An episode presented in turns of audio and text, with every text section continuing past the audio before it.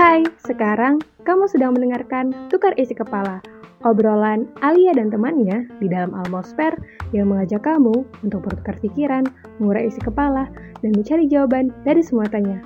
Selamat mendengarkan! Assalamualaikum warahmatullahi wabarakatuh.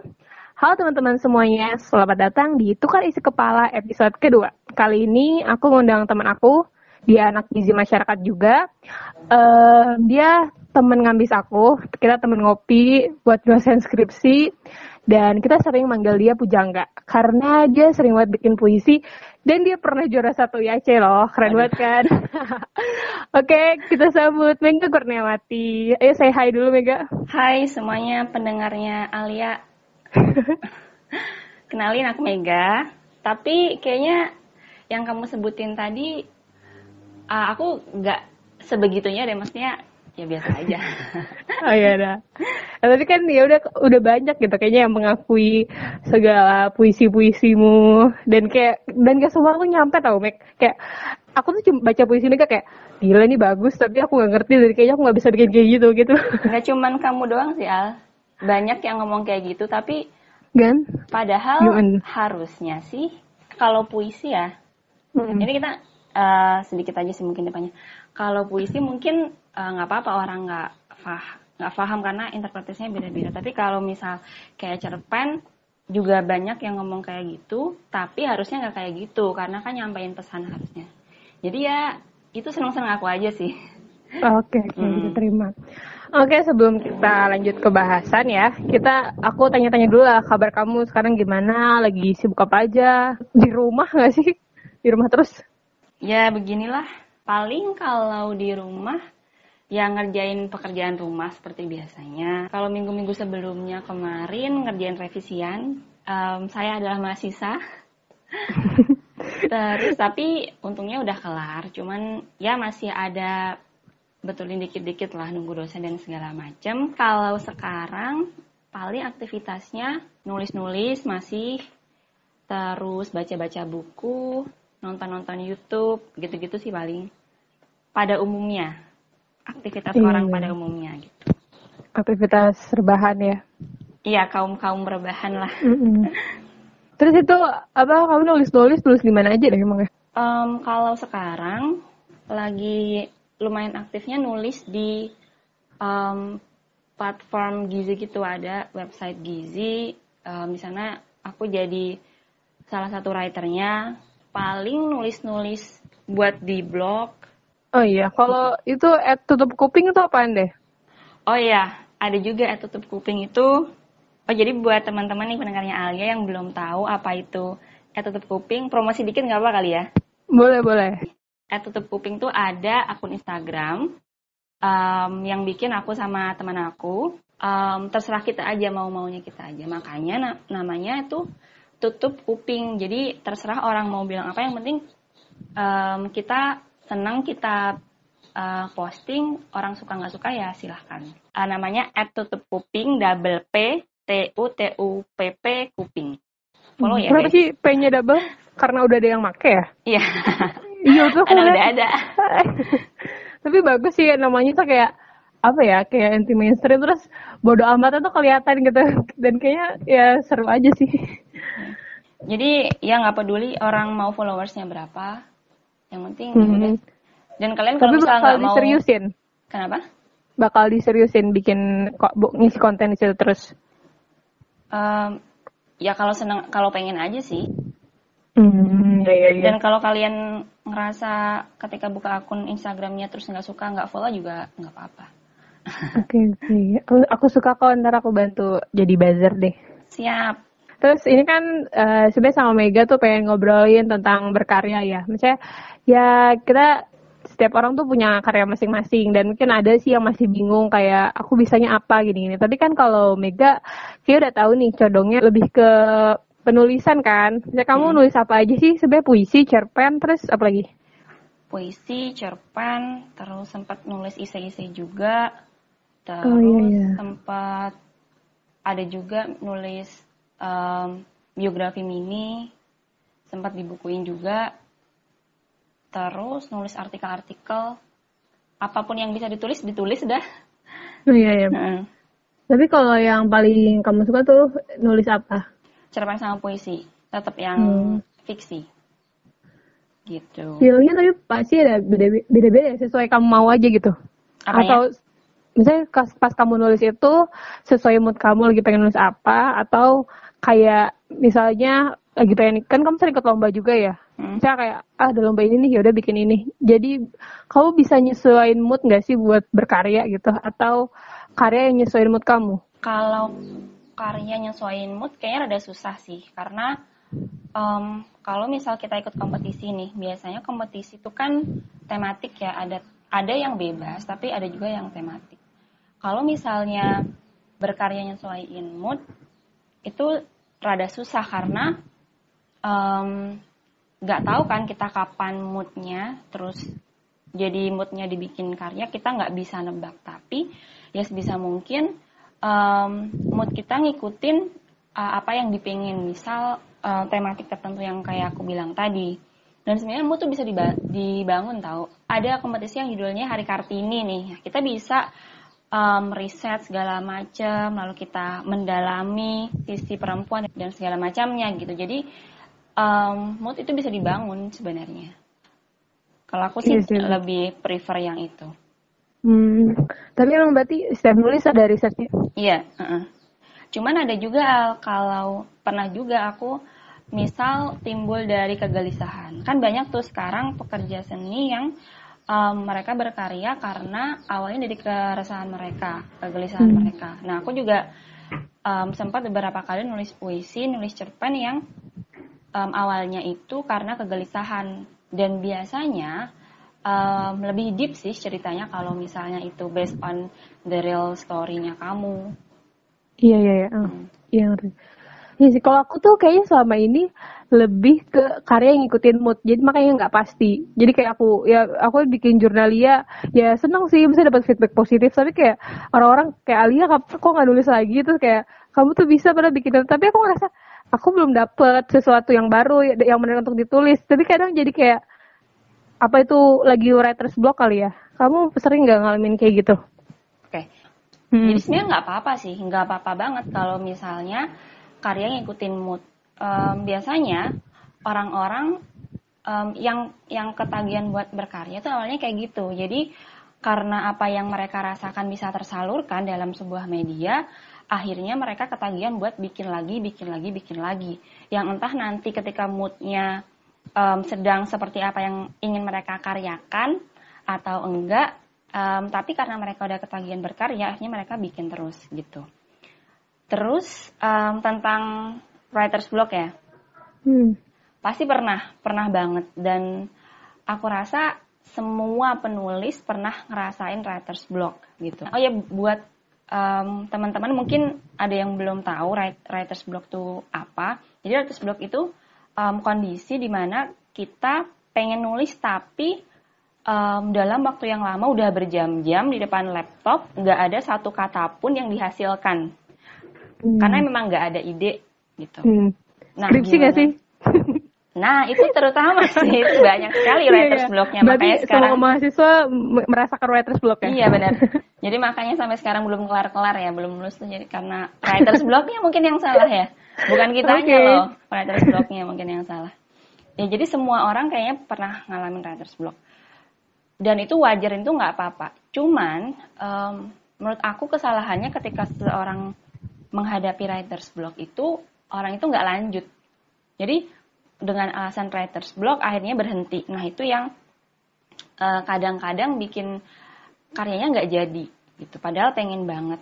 Terus caranya kayak gimana? Kalau dari pengalaman aku pribadi, kalau misalnya pas writer's block, udah kamu nulis apa pun, entah itu bagus atau jelek, tulis aja. Tulis aja apa yang kamu rasain, entah itu di platformnya Misal kamu pengen berkaryanya dalam bentuk cerpen, entah itu kamu tulis langsung sebagai cerpen atau kamu nulis di media lain, misal kamu punya blog atau bahkan kalau kamu punya diary terus kamu tulis di situ tuh nggak apa-apa. Itu salah, satu cara untuk ngebu- ngebuka kunci si writer's block itu. Jadi tulis apa aja, yang kamu pengen tulis gitu sih kalau cara kalau selama ini aku uh, buat ngatesinya kayak gitu dan lumayan lumayan berhasil menurut aku. Oke, okay, Mega. Sip. Nah, sekarang kalau misalnya kamu uh, nemuin ide tuh dari mana sih? Karena aku sering tuh uh, bu bukan aku yang ditanyain sih, tapi sering nemuin pertanyaan-pertanyaan orang, entah itu pertanyaan ke pembicara-pembicara uh, atau apa, pasti selalu nanyanya gimana sih caranya menemukan ide, gimana sih mencari inspirasi atau gimana sih cara berpikir kreatif atau kayak selalu kayak gitu. Dan um, menurut aku kayaknya setiap orang tuh punya cara masing-masing. Emang sih ada yang bisa di uh, dilakukan oleh semua orang. Tapi kalau cara spesial Mega tuh apa? Gimana? Gak ada sih, gak ada caranya. Gak ada spesial bener -bener, terus? Iya benar-benar kalau nyari ide menurut aku um, ide kreatif itu benar-benar nggak ada caranya. Ya udah um, apa yang muncul dituliskan paling nih ya paling saran-saran klise. Kayak misal um, ya udah kalau misal kamu nggak ada ide pergi jalan-jalan. Atau misal kamu ngobrol sama orang. Atau misal kamu baca buku. Atau misal kamu nonton YouTube dan segala macam segala macam. Itu cara-cara klise. Tapi nggak semua cara-cara um, tersebut bisa digunakan terus pada akhirnya ngasilin ide atau um, karya gitu dalam bentuk besarnya. Ada juga kok orang yang jalan udah jalan-jalan, udah baca buku, nonton segala macam tetap nggak ada ide dan itu tidak mutlak makanya nggak ada cara buat nyari ide. Ya udah ngalir aja sih menurut aku.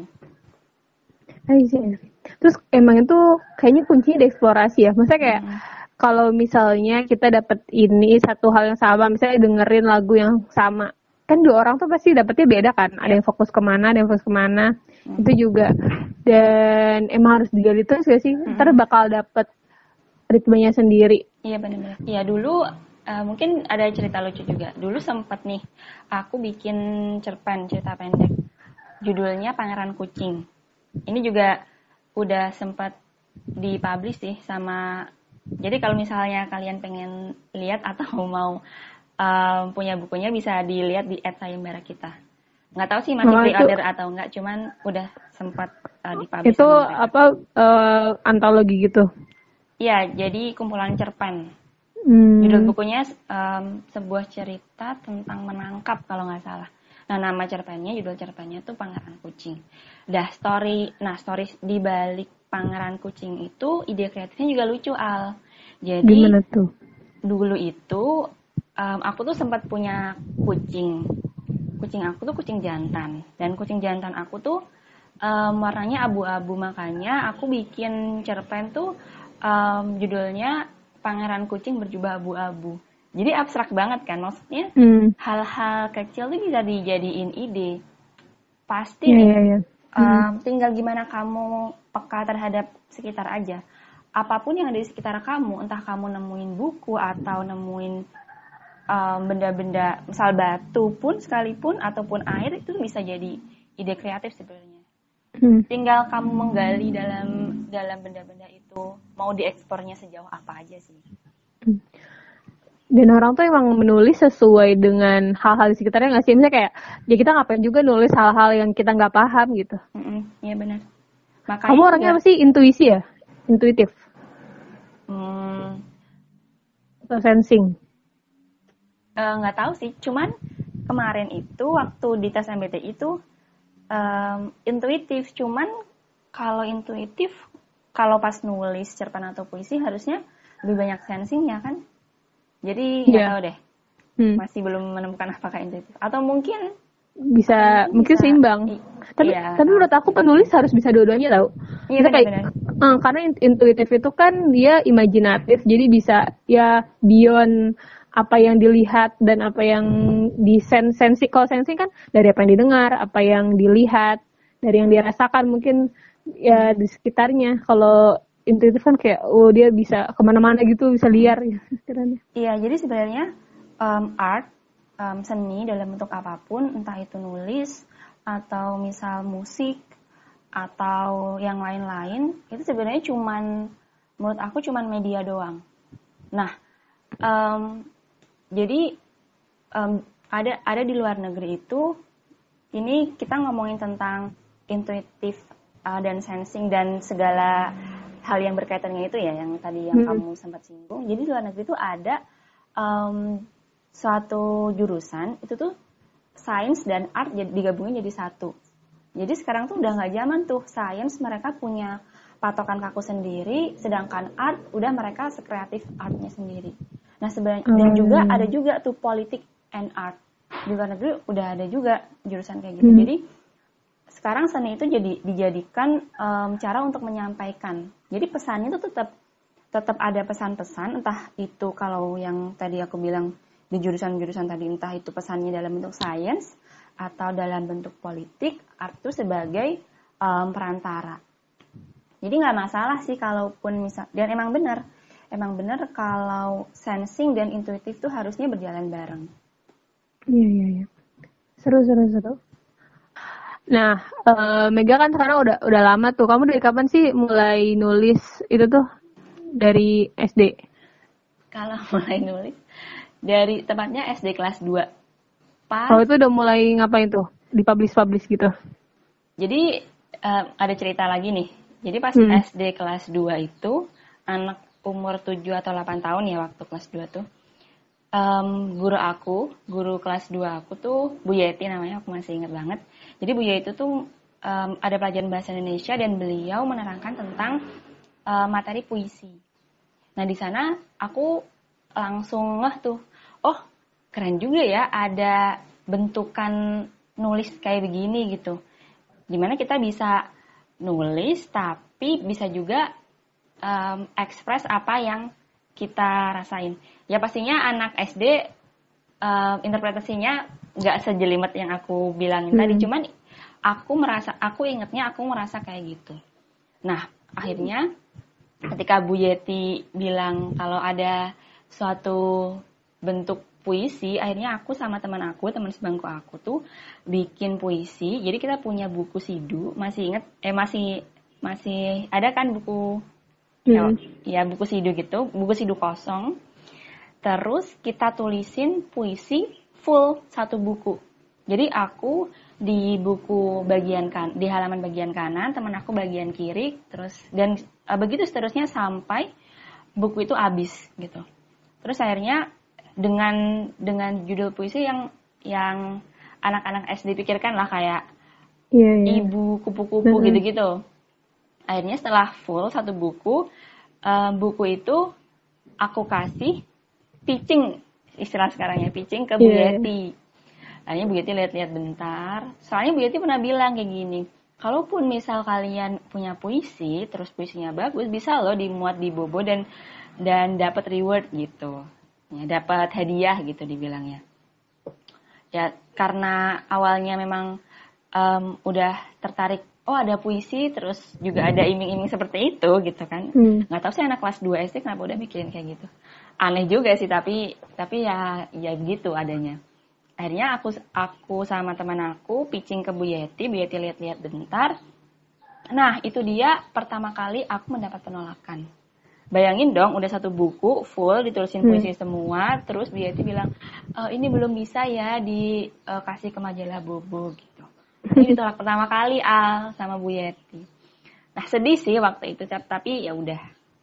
Nah dari situ terus? akhirnya um, berkembang berkembang berkembang. SMP bikin cerpen terus ikut lomba dan segala macam segala macam sampai sekarang deh. Jadi pas kelas 2 SD tuh. Hmm. awalnya. Tapi kamu emang ada ada nggak sih feeling kalau ya emang uh, kamu tuh terlahir untuk menulis gitu?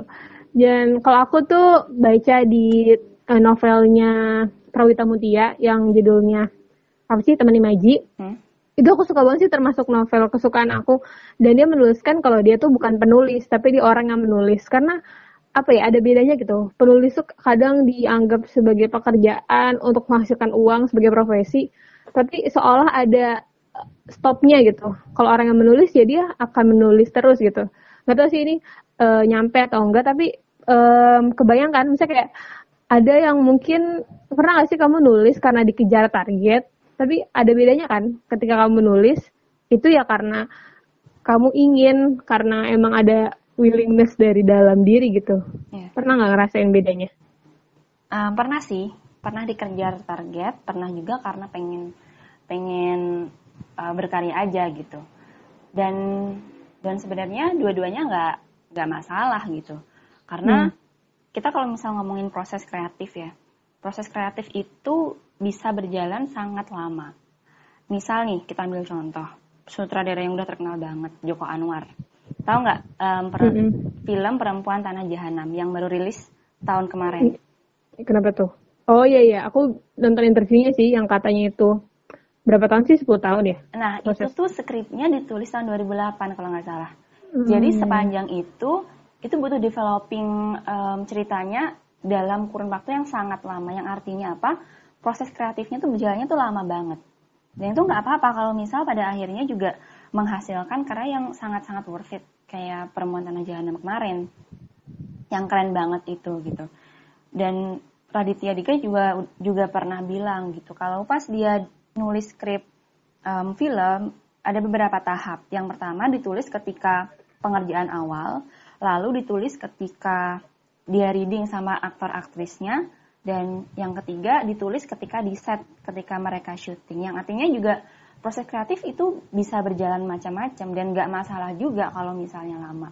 Itu. Jadi soalnya dulu aku pernah al, jadi pas aku nulis cerpen terus um, dalam waktu sehari misal hari ini nulis aku bilang nulis terus besoknya tuh ada teman aku yang nanya um, terus aku bilang bentar ya masih nulis cerpen hah masih nulis cerpen lama banget nulis cerpen oh, gitu. iya. jadi seakan-akan um, seharusnya dengan hanya menulis cerita bisa diselesaikan dengan cepat kan sebenarnya nggak kayak gitu mm -hmm. orang proses lagi-lagi proses kreatif nggak akan bisa secepat itu gitu itu yang pertama. Jadi nggak nggak relate sama batasan waktu. Terus kalau yang kedua tentang deadline.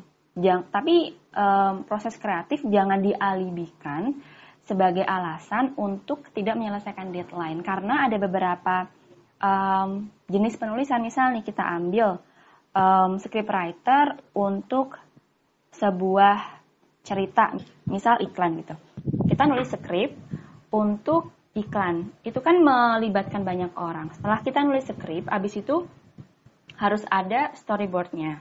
Terus abis itu mungkin juga ada ilustratornya. Terus abis itu juga melibatkan aktor-aktor ataupun orang-orang di uh, kru orang-orang yang me, yang terlibat di dalamnya. Terus itu juga uh, melibatkan misal company dan segala macam. Pasti butuh deadline kan. Nah, kalau misalnya melibatkan hajat hidup orang banyak dan juga melibatkan suatu company atau segala macam itu butuh deadline dan jangan dijadiin alibi kalau um, penulisan yang seperti itu membutuhkan proses kreatif. Iya benar membutuhkan proses kreatif tapi um, dalam kurun, kurun waktu ter tertentu. Jadi bisa sih dua-duanya itu terlibat.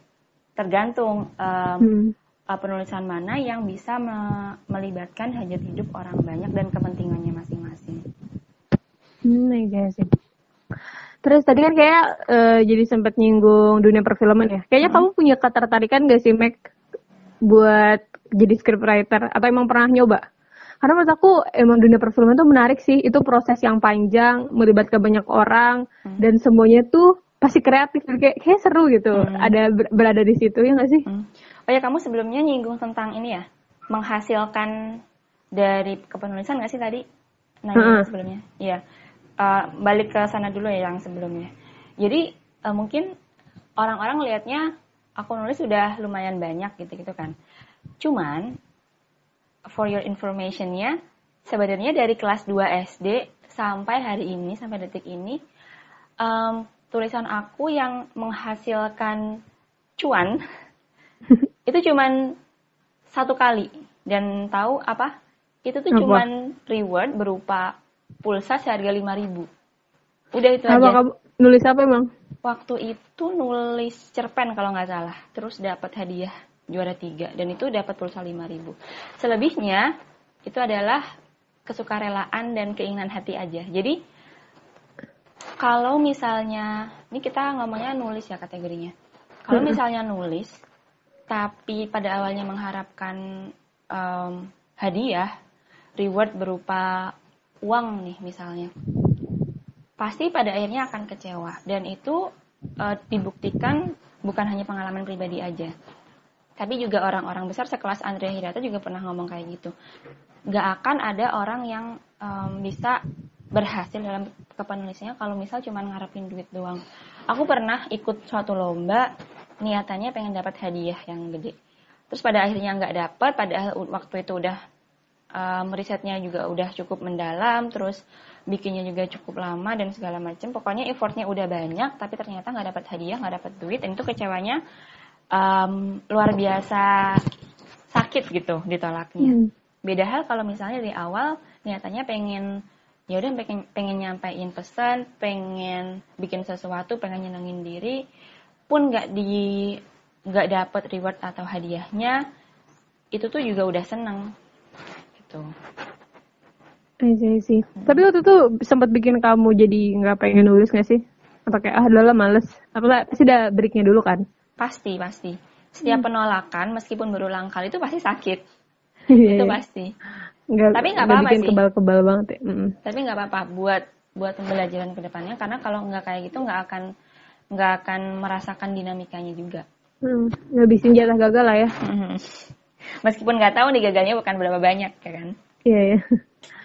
Terus uh, aku tuh itu siapa ya ngomong Kurniawan Gunadi atau Iqbal Haryadi tuh bilang kalau setiap karya tuh pasti punya penikmatnya. Hmm. Nah kira-kira um, dengan tulisan kamu yang ya sudah banyak ya beberapa gitu, terus ya pasti pasti banyak feedback kan yang kamu dapetin gitu. Ini mungkin relate sih sama reward karena kan reward gak mesti nggak uh, bisa berbentuk material kan, hmm. bisa juga dari support orang, dari respon, dari feedback. Nah itu tuh uh, gimana sih pengaruh feedback orang terhadap karya kamu? Apa itu benar-benar uh, drive kamu untuk berkarya atau ya udah tuh uh, selentingan aja gitu? Kamu nganggapnya gimana?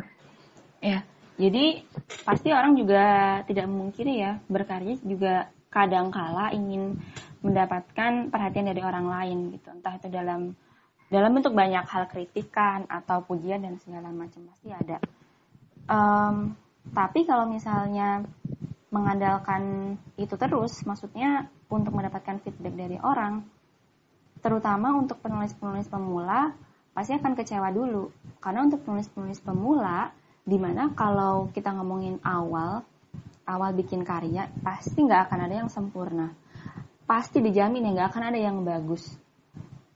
Um, hmm. Kita masak nih, kita masak pertama kali nih di gizi misalnya masih ingat nggak sih praktikum pertama kali failnya kayak gimana? Komentar Gak, dari asisten praktikumnya kayak gimana? Pasti banyak banget celahannya kan. Tapi itu wajar. Hmm. Kalau nggak mulai-mulai juga nggak akan tahu gimana cara yang benar. Nah, jadi um, untuk nulis pemula um, mungkin jangan terlalu banyak berharap untuk mendapatkan pujian apalagi. Kalau kritikan sih harus. Jangan berharap uh, mendapatkan banyak uh, pujian ataupun feedback. Kecuali kalau misal um, kalau pengen mendapatkan feedback, kamu bisa tuh bikin tulisan, terus kamu kasih ke orang yang kamu pikir dia udah cukup mumpuni di bidangnya, terus kamu minta kritik, itu kan juga salah satu bentuk feedback yang yang juga bisa membangun karya kamu kan. Jadi ya feedback butuh sih, feedback butuh dari orang lain. Oke. Okay. Terus kayaknya setelah ini kamu bakal ke mana nih dengan dunia kepenulisanmu? Fokusnya bakal ke mana? Bakal uh, misalnya kan sekarang ntar bakal kerja di bidang gizi juga kan? Hmm. Terus bakal menulis kah? Atau apakah kamu meluangkan waktu untuk menulis atau hanya menulis di waktu luang? Terus ya apa emang ada rencana khusus dengan dunia kepenulisan? Ada sih, ada banget pengen Apa pengen tuh? bikin buku pengen bikin buku hmm. yang yang writernya tuh aku doang kan selama ini kan banyak kan kumpulan cerpen yang banyak penulisnya hmm. kan tapi aku someday pengen bikin yang writernya aku doang cuman nggak tahu kapan um, karena sekarang realistis sih maksudnya um, kalau misalnya teman-teman ini yang dengar ada yang belum lulus pasti setelah lulus tuh ada namanya orang tuh harus menyeimbangkan antara idealisme dan realitas Nah, menurut aku nulis itu sebuah nulis yang aku tekuni selama itu sebuah idealisme. Realitasnya apa? Realitasnya harus nyari duit gitu. Yang iya di mana yang kayak aku bilang tadi, kalau nulis itu nggak bisa semata-mata mengharapkan, emang nggak bisa mengharapkan duit gitu. Jadi um, mungkin setelah ini pasti mencari mata pencaharian yang bisa menghidupi diri sendiri dulu. Entah itu nanti um, ketika waktu senggang nulis dan segala macam, ya pasti akan diusahakan. Kalau enggak nanti, um, karena nulis itu salah satu cara um, aku buat tetap waras sih, gitu. Jadi hmm, isi, untuk ekspresi, mengekspresikan diri, untuk self esteem dan segala macam.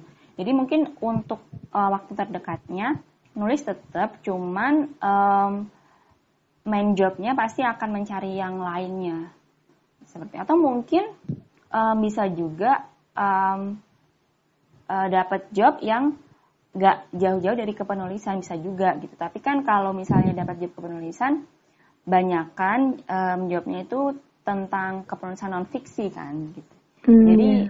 banyak akan akan ada banyak opsi sih tapi pasti nggak akan jauh dari jauh-jauh dari gizi dan juga nulis. Kalau prediksi aku sih kayak gitu. Tapi jangka tak jangka panjangnya pasti akan pengen banget bikin buku. Um, kan tadi kamu ngerasa tuh kalau misalnya buku itu bakal kamu jadiin masterpiece, bakal kamu jadiin karya dari semua proses selama ini, proses menulis kamu sama ini bakal jadi satu atau beberapa buku yang nanti dipublish kan berarti buat publik berarti ya. Hmm. Nah, tapi aku tuh ngerasa kayak banyak banget sekarang cara-cara yang memudahkan untuk mempublish buku. Padahal menurut aku tuh bagi orang yang menulis, ini bukan penulis ya, karena kalau penulis kan profesi. Bagi orang yang menulis kayak buku itu sebuah apa ya? bukan tujuan akhir tapi itu hal yang sakral menerbitkan buku itu. Hmm. Tapi kayak gimana sih pandangan kamu dengan semakin mudahnya melakukan self publishing atau ada juga ya ya banyak sih ya kayak tadi kan nulis-nulis bareng. Hmm. Tapi itu apakah jadi jadinya pre, terlalu prematur atau kayak ya udah sih yang penting orang atau kayak sekedar cuma buat um, ya itu buat self esteem aja. Jadi kayak oh ini gue udah nulis udah nulis buku nih buat udah dipublish. Padahal mm -hmm. um, belum tentu orang baca dan impactnya semana sih. Misalnya kayak aku tuh kalau lebih seneng kalau tulisan itu bisa berpengaruh gitu daripada ya udah nulis nulis doang. Padahal itu cuma buat diri kita doang. Jadi sama orang lain gak kerasa nggak nyampe gitu feelnya. Kamu ada pandangan kayak gimana jangankan buku cerpen hmm. puisi pun kalau misalnya aku ngerasa itu jelek gak akan aku nggak akan aku kirim gitu apalagi hmm. buku yang yang skalanya lebih besar pasti pengen yang paling bagus gitu tapi mungkin juga al mungkin juga orang-orang kita misal kita ngomongin tentang fakta nih hmm. di aku di kamu kita kita menemukan nih orang-orang yang um, dengan mudah um, mengkaryakan membukukan karya mereka dengan cara self publishing dan segala macam tapi nggak tahu apakah itu karya terbaik mereka atau enggak tapi tapi mungkin mungkin aja menurut mereka um, itu tuh karya-karya terbaik mereka gitu. Ngerti nggak maksudnya? Oh ya sih hmm. jadi ya, ya mungkin, kita nggak bisa judging juga ya. Hmm, jadi mungkin kita mikirnya kok kok cepet banget nih orang nerbitin ini nerbitin ini segala macam segala macam hmm tapi mungkin menurut mereka ya ini kayak karya terbaik aku gitu aja. Makanya aku terbitin gitu. Mungkin mungkin itu juga sih. Cuman um, yang jadi persoal persoalannya adalah kalau misalnya tren seperti ini tuh diikutin sama orang-orang pada umumnya. Kita kan nggak tahu tuh. Um, misalnya orang-orang terbitin buku dengan mudahnya tapi orang-orang yang orang-orang yang baru mau nulis terus ikut-ikutan ah aku mau bikin ah gini nanti aku terbitin. Padahal kan kita nggak tahu orang yang terbitin yang dia jadikan panutan itu um, dia itu merupakan karya terbaiknya gitu. Sementara orang yang baru mulai terus ikut-ikutan. Nah itu persoalan persoalannya gitu. Jadi jadi ya jangan dijadikan panutan gitu. Kalau misal orang-orang dengan mudah uh, mengeluarkan buku-bukunya gitu Oke, Meg, dapat dapat poinnya. Terus tadi nih ada pertanyaan yang kelewat kan, masalah scriptwriter. Dulu aku pernah dengar sih kamu tertarik dan emang pengen nyoba di dunia perfilman hmm. atau uh, gimana? Kamu pandangan kamu tentang scriptwriter gimana? Hmm. Kayaknya emang sekarang makin banyak sih writer kerjaan-kerjaan yang belakang writer kayak hmm. ada UX writer, writer.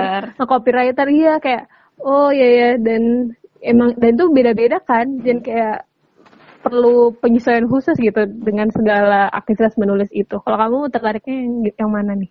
Dulu aku pas PPKU, pas tingkat awal tuh sempet ikut lomba, kalau nggak salah penulisan naskah drama kalau nggak salah.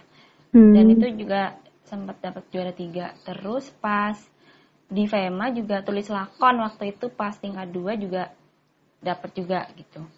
Dan hmm. sebenarnya juga tertarik banget sih tentang penulisan skrip ini karena scriptwriter um, karena kalau misalnya nih kalau kita kalau misalnya kita menulis um, buat sebuah lakon atau drama atau misal film gitu untuk skala lebih besarnya pasti kita akan ketemu orang-orang yang keren ya nggak sih?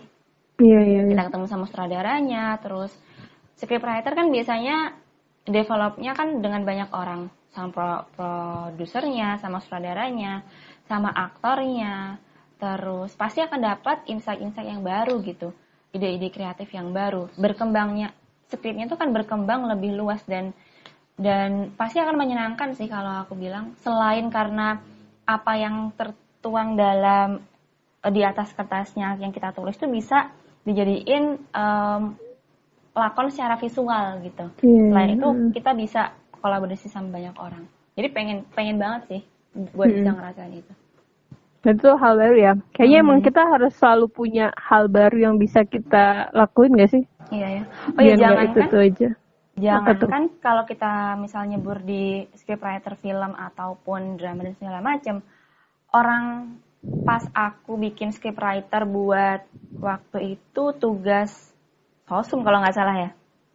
Ada ya? Iya kalau nggak salah sih tugas Hosum sih. Hmm. Jadi aku nulis skrip terus abis itu di um, diperagakan oleh teman-teman itu pun aku juga udah seneng gitu. Apa yang hmm. aku um, bikin, apa yang aku tulis itu bisa divis divisualkan. Pernah nggak sih ngerasa kayak gitu? Misalnya kamu yeah. Iya. uh, bikin um, scriptwriter terus misal jangankan untuk lakon deh, misal untuk um, misal di BEM nih ada ada ada suruh bikin film bukan film sih Iya biasanya bikin video sih, ya, baru video, narasinya pendek gitu kan. Baru narasi narasi aku bikin tuh seru sih. Iya. Kayak walaupun orang mah nggak tahu tuh siapa, gak, dan nggak peduli juga siapa yang bikin tapi uh, seneng emang. Nah, jadi bahkan hal sekecil itu pun juga udah seneng gitu kolaborasi dengan tim yang nggak sebesar film dan lain-lain. Apalagi nanti kalau misalnya udah udah kolaborasinya dengan banyak orang pasti seneng hmm. banget pengen sih tertarik tertarik ke sana cuman nggak tahu cuman nggak tahu kapan gimana caranya dan segala macam segala iya. masih tulis dulu aja lah ya iya berangan-angan dan bermimpi dulu hmm. lah ya hmm. kayaknya kamu juga udah sering kan kamu sering ngepoin sutradara atau apa sebenarnya mungkin nanti tiba-tiba dapat info gitu kan open recruitment atau apa coba-coba lah ya iya mungkin sih mungkin mungkin hmm. Oke deh, ada lagi nggak yang mau kamu bagi tentang kepenulisan, tentang proses kreatif? Soalnya kayak udah udah cukup banyak dan aku juga nggak bisa nyimpulin karena aku nggak nyatet kita ngobrol aja. Hmm. Terus tapi ada nggak kira-kira yang mau kamu sampaikan sebagai closing statement mungkin? Hmm, mungkin untuk ini kali ya teman-teman yang baru mau mulai nulis, jangan takut buat dibilang jelek jangan takut kalau tulisannya nggak sempurna pasti nggak akan bagus dan nggak akan sempurna mm -mm. tapi kalau misalnya nggak dimulai ya kapan lagi gitu okay. dan sebenarnya menulis itu semua orang harus bisa entah itu fiksi non fiksi harusnya ya menulis terus ya menulis sih pada intinya menulis itu tuh basic skillnya harus dimiliki semua orang gitu jadi sebenarnya mm -hmm. kalau kamu wawancara harusnya bisa ke ke ke semua orang ya karena memang karena karena memang um, menulis kan basic skillnya semua orang. Jadi semua orang harus nulis sih. Iya. Yeah. Gitu. Tapi kayak sekarang tuh kan ya ya literasi juga uh, rendah. Jadi emang harus di apa ya? Kayak harus dipaksain dan sampai ya, kayak tadi aku bilang kayak gak semua orang tuh terlahir untuk menyukai ini tapi harus harusnya bisa gitu. Mm -hmm. Karena sekarang um, kelihatan nggak sih al trennya? Kan sekarang banyak hmm. tuh buku-buku yang um, desainnya colorful tapi tulisannya oh, yeah. dikit. Hmm. Nah itu kalau menurut aku ya kalau misalnya ngelihat dari trennya, jadi menandakan orang-orang itu tuh kurang suka sama tulisan-tulisan yang panjang. Oh iya. iya. Gitu. Mm -hmm. dan ya itu menandakan literasi kita sih kita tuh maunya yang yang ya udah Simple. simpel-simpel aja lah ya udah gampang dipahamin segala macam Mm-mm. Hmm, kita nggak bisa maksain juga dan nggak bisa nyalahin ya Hmm. karena ya udah budayanya udah bergeser. cuman nggak apa-apa juga mungkin itu Heeh. starternya buat mancing orang suka sama tulisan Heeh. dengan em, bentukan yang simpel dulu terus orang kurius akhirnya dia mencari hal yang misal tulisan lebih panjang terus akan meng- akan menggali lebih deep lagi sih Mm-mm. mungkin